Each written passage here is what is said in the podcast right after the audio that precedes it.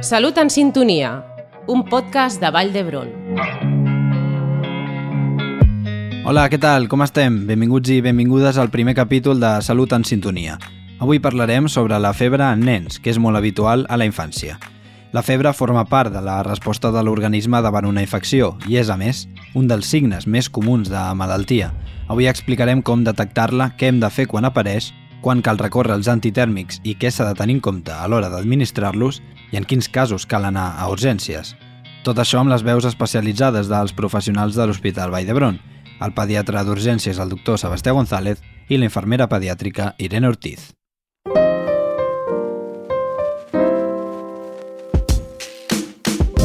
Per situar-nos, la febre és una de les respostes del nostre organisme i és un dels signes més comuns de malaltia. Forma part d'un sofisticat mecanisme de defensa per combatre possibles infeccions. Juntament amb la febre pot aparèixer sensació de fred, malestar o manca de gana, però normalment els petits solen tolerar-la relativament bé. Cal destacar que la febre no és en si mateixa una malaltia, sinó, com dèiem, una resposta del cos a diverses situacions. Els tractaments per la febre serveixen per alleugerar el malestar que aquesta pot produir. I com detecto la febre? Doncs per mesurar-la cal fer servir un termòmetre. Els digitals són els més comuns i els antics de mercuri ja no es fan servir, perquè es poden trencar i alliberar aquest mercuri. Per utilitzar el termòmetre cal que el col·loquem a l'axila del nen amb el braç ben tancat fins que sona l'alarma de l'aparell. Al retirar-lo veurem la temperatura a la pantalla del termòmetre. La infermera pediàtrica Irene Ortiz de l'Hospital Vall d'Hebron ens explica quan hem de donar l'antitèrmia. Considerem que és febre quan la temperatura per via axilar és de 38 graus. Trobarem que és febrícula a partir de 37 i mig, però eh, encara que estigui en febrícula no cal donar antitèrmia perquè hem de, ha de quedar clar que tant a 37 i mig com a 38, que és febre, donarem l'antitèrmia quan el nen estigui en desconfort. Si el nen està jugant, el nen està content, no hem de donar l'antitèrmia. I en els lactants, que és l'etapa de l'infant que va fins als dos anys d'edat, el termòmetre es pot posar al recte, però no es fa freqüentment. Cal tenir en compte que en aquest cas la temperatura normal sol ser mig grau més alta que a l'axila. Què hem de fer quan apareix la febre en nens? El més important, després d'haver constatat la febre, és veure com es troba el nen. Si es troba malament, potser cal donar antitèrmics. Si apareixen signes d'alarma o a certes edats, que després mencionarem, pot ser necessari consultar el pediatre. Cal mantenir una temperatura agradable del domicili i evitar un excés de roba, tot i que es pot abrigar amb una peça lleugera si el nen comenta que té sensació de fred. També és important mantenir el petit ben hidratat i que begui líquids. La infermera Irene Ortiz ens remarca també què és el que no hem de fer quan apareix la febre. El que s'ha d'evitar és fer els banys que antigament es feien, que era ficar-lo amb aigua freda, amb aigua tèbia, ja que això no té cap utilitat, i el que li, li dona al nen és està incòmode, irritable i no li agrada.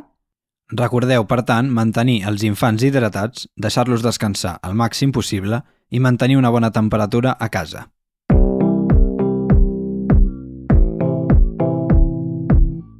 Quins són els principals antitèrmics? Si el nen amb febre es troba malament, els medicaments que es fan servir més són el paracetamol i l'ibuprofè.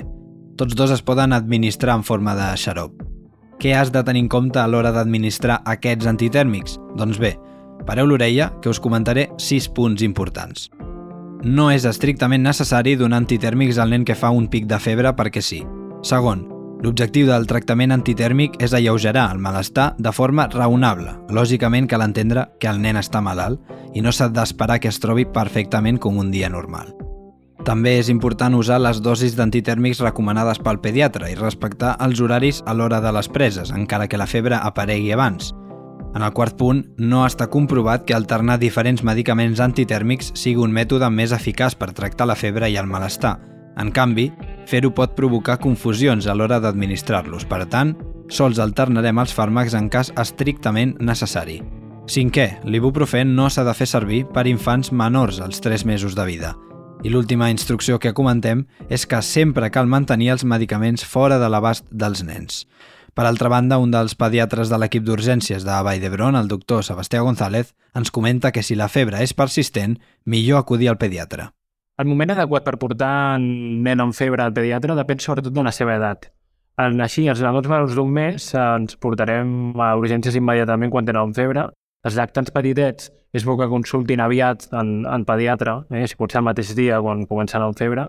En canvi, els nanos de més, més enllà dels dos, tres anys, eh, si es troben bé, donem antitèrmia i veiem evolució.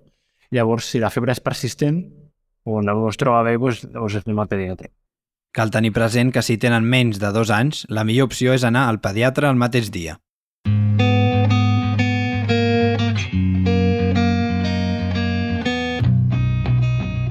Arribem a la recta final del primer capítol de la sèrie de podcast de Salut en Sintonia.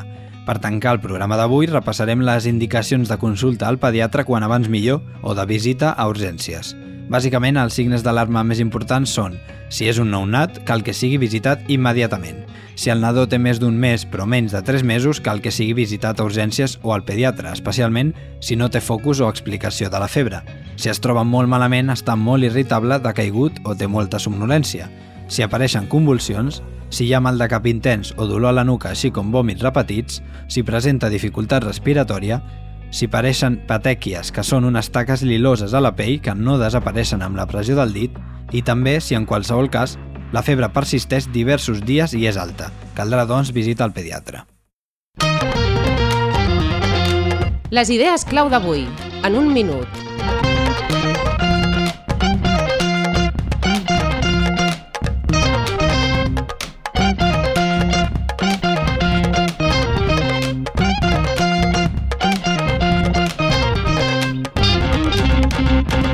Quan apareix la febre en nens, no us alarmeu. És molt freqüent quan hi ha una malaltia i és la resposta de l'organisme davant de moltes infeccions.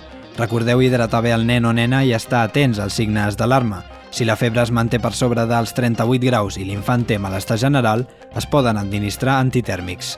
Tot i ser molt habitual tenir febre, no dubtis en portar-lo a urgències si apareixen signes d'alarma, com les convulsions, si es troba molt malament o si persisteix durant diversos dies i és febre alta.